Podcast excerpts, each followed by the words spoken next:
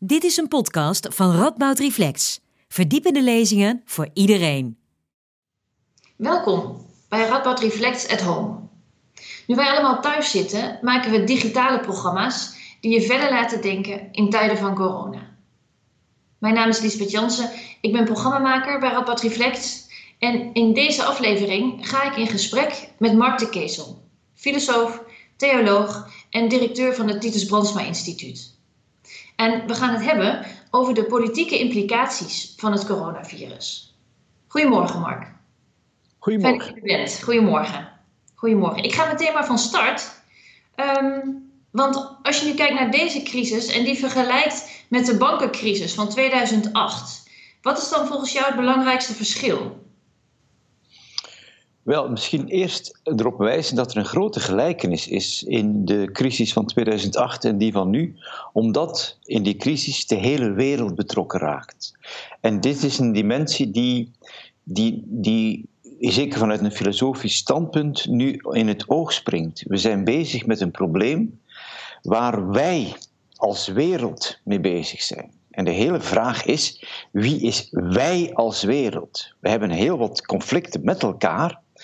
We zijn allemaal vrij in deze wereld. We doen wat we willen. We hebben al onze belangen.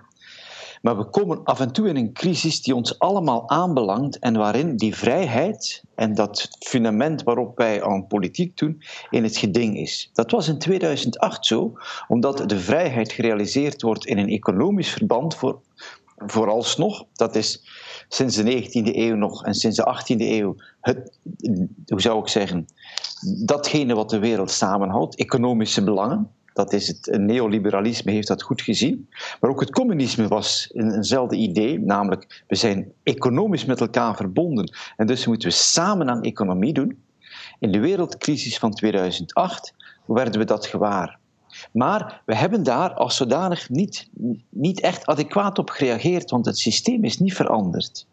In 2020 komen we terug in een wereldcrisis en staan wij, wij vrije mensen, tegenover een probleem dat onze vrijheid aantast. We moeten zelf beslissingen nemen. We zijn vrij te doen wat we willen, maar tegenover ons staat een crisis die ons aankijkt als de dood. En we komen in een situatie waarin we eeuwen terug stonden wanneer de pest over ons kwam. We zijn natuurlijk meer geëquipeerd daarvoor, we hebben daar meer zicht op, maar het tast wel onze vrijheid aan. En, in die zin confronteert die crisis van, van 2020, dus nu, die coronacrisis, confronteert, confronteert ons met met de basis van ons politiek bewustzijn. En de basis van ons politiek bewustzijn, en dat is filosofisch interessant, dat is biopolitiek. We zijn, we zijn in de tijd van de biopolitiek. Sorry voor de technische uitleg een beetje, maar biopolitiek, ik haal de term van, van Michel Foucault zijn denken. Biopolitiek is die legitimatie van de macht, van de politieke macht, die sinds, laten we zeggen, medio uh, eh, 18e eeuw ingang heeft gevonden in het Westen. Wanneer de macht zich moet legitimeren, dan kon de macht in de middeleeuwen zich legitimeren op diegene die leven en dood beheerst. Dat was God. Dat waren de goden, of God, hoe je het ook noemt. Maar de macht kon doden. En daarom was een machtige macht. Hij werd afgebeeld met een zwaard. En als je niet luisterde naar de macht, ging je kop eraf. Hij was machtig, want hij was degene die de macht van de dood in zich incarneerde. Want meester was over het leven. De moderne tijd kan niet meer die legitimatie hebben. In plaats van dat wij macht hebben vanuit het feit dat we met de dood gelieerd zijn, staan we allemaal aan de kant tegenover de dood en moeten wij het leven behoeden. En dit is biopolitiek. Wat is de basis van, uh, onze, van, van onze politieke macht? Dat is dat wij voor het leven van onze populatie, woord dat dan ontstaat, la population, de populatie. Wij moeten, de natie moet voor de populatie, voor de leden van de nazistaat, van degenen die op haar grondgebied geboren zijn, de natie heeft haar legitimiteit om daarvoor te zorgen. Daar worden we nu mee. Dan dat, we in principe, dat de verandering is dat we in plaats van vanuit het begrip uh, dood zijn gaan kijken naar macht, dat we nu kijken vanuit het begrip leven? Wel, de, de, hoe zou ik zeggen, conceptueel gezien is het onderscheid. Vroeger was de macht soeverein. De macht stond boven leven en dood en regelde dat. Omdat het leven gegeven was. En de mens kon in het, in het tussenkomen in het leven, kon de mens niet tussenkomen. Wij, moderne mensen, zijn technisch zeer bekwaam en wij komen wel tussen in het leven. Wij kunnen het leven heel wat meer beheersen. En die beheersing van het leven verandert de legitimiteit van de politieke macht. Met name, wij moeten alle leven beheersen. En dus dat virus, nu 2020, stelt ons mondiaal voor onze politieke plicht, wie we ook zijn, wat we ook denken, of we nu links of rechts ons van het spectrum begeven, of we nu positief of negatief over welke situatie ook denken, wij zijn het eens sowieso, wij moeten het leven behoeden. Ook al denken we persoonlijk dat dat misschien niet zo is, we kunnen dat niet zeggen. Want het discours dat de wereld beheerst, is een discours dat biopolitiek zich legitimeert. En dat is interessant. Voor jou het verschil met de bankencrisis van 2008? In de, dat het toen ging om die bio-ethische principes? Wel, in die zin is de vergelijking met 2008 zeer interessant. Want in, 2000, in, eh, in 2008 uh, is er een bankencrisis en een grote economische crisis. Ontstaat, uh, hoe zou ik zeggen, het kapitaal verschuift van, van subject, van eigenaar. Er zijn heel wat mensen die arm worden, andere mensen worden stinkend rijk.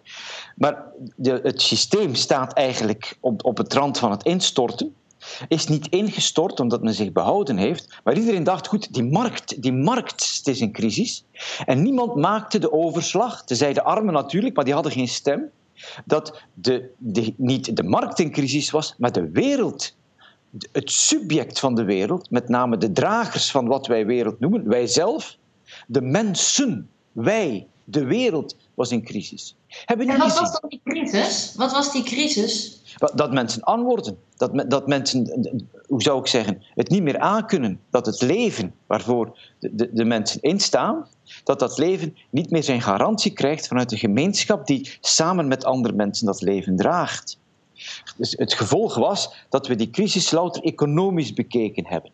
En dat het socialisme niet in staat was, ondanks de, de acties tegen Wall Street enzovoort, we zijn niet in staat geweest dat los te maken van zijn, economische, van zijn economisch discours. We dachten dat die crisis louter economisch was. Dat kunnen we nu niet meer. De economie is absoluut in crisis.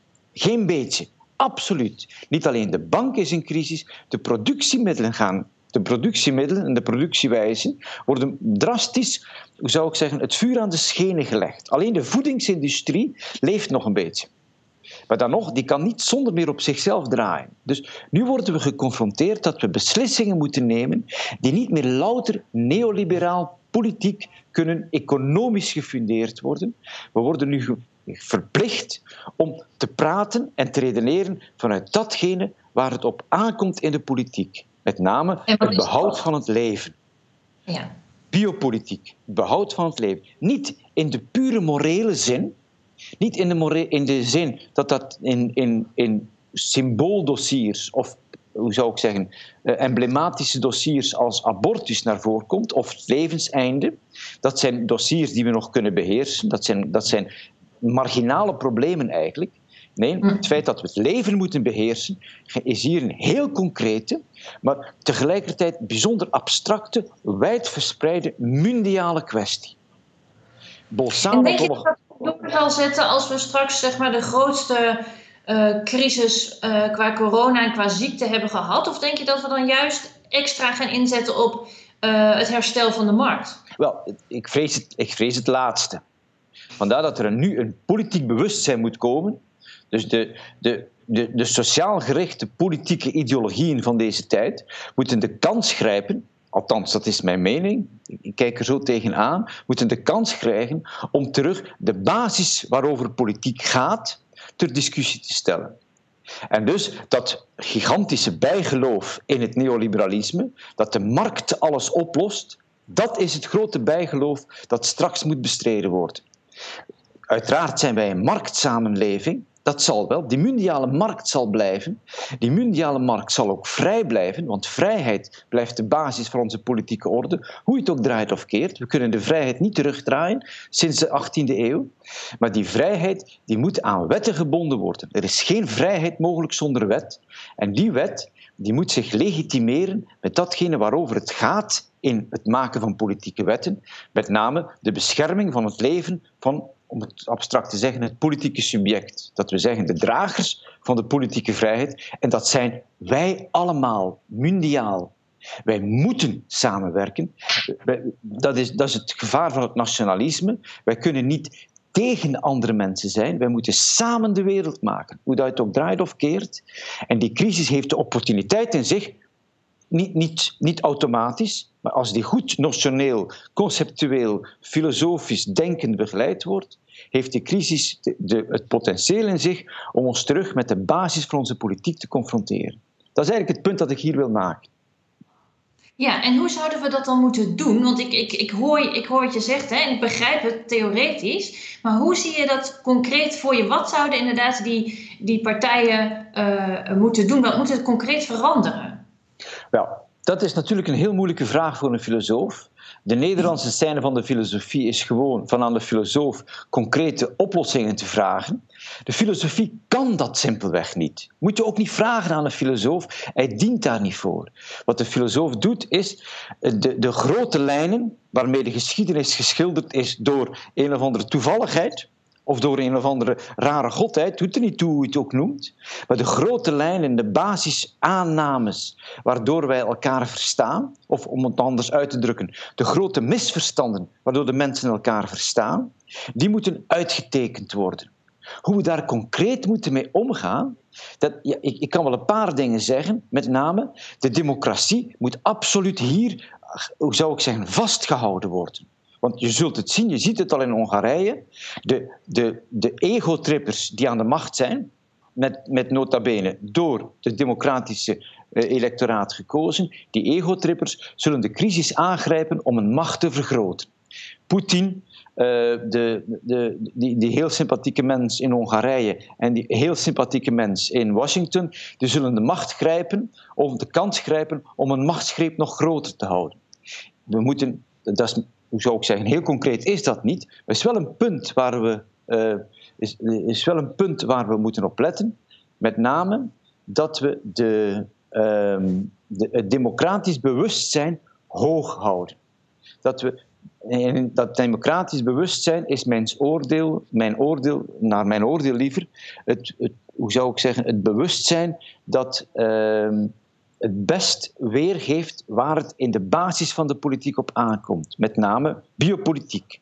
Wij zijn de basis van de politiek. Wij, niemand weet goed wat dat is. Wij weten wel, wij zijn allemaal vrij. Dat zijn we. We weten niet goed wat vrijheid is, uiteraard niet. Maar we weten wel dat dat ook tegelijkertijd behoorlijk problematisch is. Want vrijheid betekent dat ik ook vrij ben ten aanzien van anderen, tegenover anderen.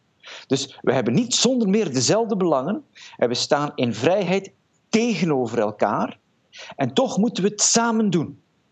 Dat is die tragische conditie van de moderne politiek. We moeten het samen doen en dat samen is gebaseerd in het feit dat we niet verplicht zijn samen te zijn, want we zijn vrij. Die, die contradictie die ga je nooit uitsluiten. Die contradictie moet je levendig houden. Dat is democratie. Dus je moet die spanning tussen de mensen levendig houden. En dat zal moeilijk worden in de, in de, in de komende tijd. Dat, dat is sowieso moeilijk op mondiaal vlak, maar dat moet ook. En dus leven we in een gevaarlijke tijd waar terug autocratische, waar autocratische leiders die dat, democratisch tragische, uh, hoe zou ik zeggen, dat, die tragische kant van de democratie kunnen uitbuiten om een autocratisch systeem op poten te zetten. In die zin is de vergelijking met de jaren 30, die al een paar jaar leeft, is niet zo gek. Is niet, mhm. fundamenteel gezien is dat niet zo gek. Democratie heeft altijd, omdat ze tragisch van structuur is, mensen staan vrij tegenover elkaar en moeten het samen toch vrij doen, dat is gevoelensfressen voor een autoritaire leider. En, en, en, in die zin moet die, die, die coronacrisis ons, die heeft het potentieel in zich om, om politiek gezien, dat biopolitieke fundé, die biopolitieke fundering van onze politiek en de democratie samen terug op de agenda te zetten. Dat is een beetje, sorry voor de abstractie, te abstract, wat, het punt dat ik hier wil maken. Maar dat is niet eenmaal het, uh, ja, het eigenaardige aan de filosofen, dat die, die, die, die, blijft een beetje abstract. Anders zou ik in de politiek gaan. Ja, heel veel gevraagd, dus dat is heel goed. Misschien nog als laatste vraag um, de rol van communicatie. Want we hebben het, je hebt het over hè, de tegenstelling tussen samen zijn en vrijheid en hoe dat steeds een soort bepaalde tragiek in zich bergt. Um, communicatie, hoe mensen met elkaar uh, communiceren, communiceren, speelt hierin natuurlijk een, een, een hele belangrijke rol. En misschien zijn we daar nu ook in deze tijden van crisis ons daar uh, uh, extra van bewust, omdat het niet meer vanzelfsprekend is. Ja. Wel, die communicatie is een belangrijk punt, omdat de, de, de vrijheidsideologie waarin we sowieso zitten, zeer algemeen, die gaat ervan uit dat ik vrij ben ten aanzien van, van, van de wereld tegenover mij. En dat ik eerst en vooral mezelf ben en dan een relatie heb met anderen. Dat is vrijheid. Dat is natuurlijk een beetje mythisch, dat is een mythe. Want ik ben niet zonder meer vrij, los van de anderen. Ik ben maar vrij tegenover anderen die ook vrij zijn. En ik leef van die communicatie met anderen. En ik leef van het delen van van alles met anderen. Dat is nota bene niks anders dan markt. Wij delen zaken met elkaar. En door met, elkaar zaken te delen, worden wij iemand zelfstandig. Die twee sluiten elkaar niet uit, maar impliceren elkaar. Wat we nu, wat we nu zien is dat wij op die, op die zelfstandigheid die we zijn geworpen worden omdat we geïsoleerd raken. Wij raken geïsoleerd in, in een quarantainesituatie waarin we alleen maar veraf naar mensen kunnen communiceren. En dus, ja, ja, dus moet, moeten we nu wel goed beseffen dat we leven niet louter van onszelf, maar van de relatie met anderen. De relatie met anderen die economisch op, tot zijn basis geleid wordt, namelijk gelukkig dat de supermarkten open zijn, gelukkig dat we elkaar eten kunnen geven, dat, dat is het. En we moeten elkaar niet, niet louter eten geven. Een mens leeft niet van brood alleen, heet het dan bijbels. De mens leeft ook van, noem het liefde, noem het sentiment, noem het wat dan ook, maar hij leeft van communicatie. Van die, van die, van die Freudiaans gesproken altijd haat-liefde verhouding, van, van die geschakeerde emotionaliteit, waardoor je in dat geschakeerd veld van communicatie jezelf kunt plaatsen. Als je dat niet meer kunt, besta je niet meer. Dus gelukkig dat we nu uh, die, die, die mediamiddelen uitgevonden hebben, die dat, die dat uh, hoe zou ik zeggen, bovenaan aan ons bewustzijn houdt. In die zin, hoe zou ik zeggen, uh, zit er ook een potentieel in dat wij als moderne mens beseffen dat, wij, dat vrijheid alleen maar kan in relatie met anderen. Vrijheid is niet iets dat, dat ik kan louter los van de anderen. Ik kan maar vrij zijn dat ik samen vrij ben met anderen en samen ook tegen anderen kan zijn. Dat is democratie. Democratie is die georganiseerde dissensus die maakt dat ik een manier vind om samen met anderen te zijn en ook samen tegen anderen te zijn. En die, die, tegenstem is essentieel in een democratie. En dat is wat, wat op internet meer dan ooit gebeurt. Maar dat heeft zo zijn eigen problemen natuurlijk. Dat lijkt me een mooie boodschap om mee naar huis te nemen. Uh, dat de wereld bestaat uit relaties en dat we vooral daarin moeten gaan investeren.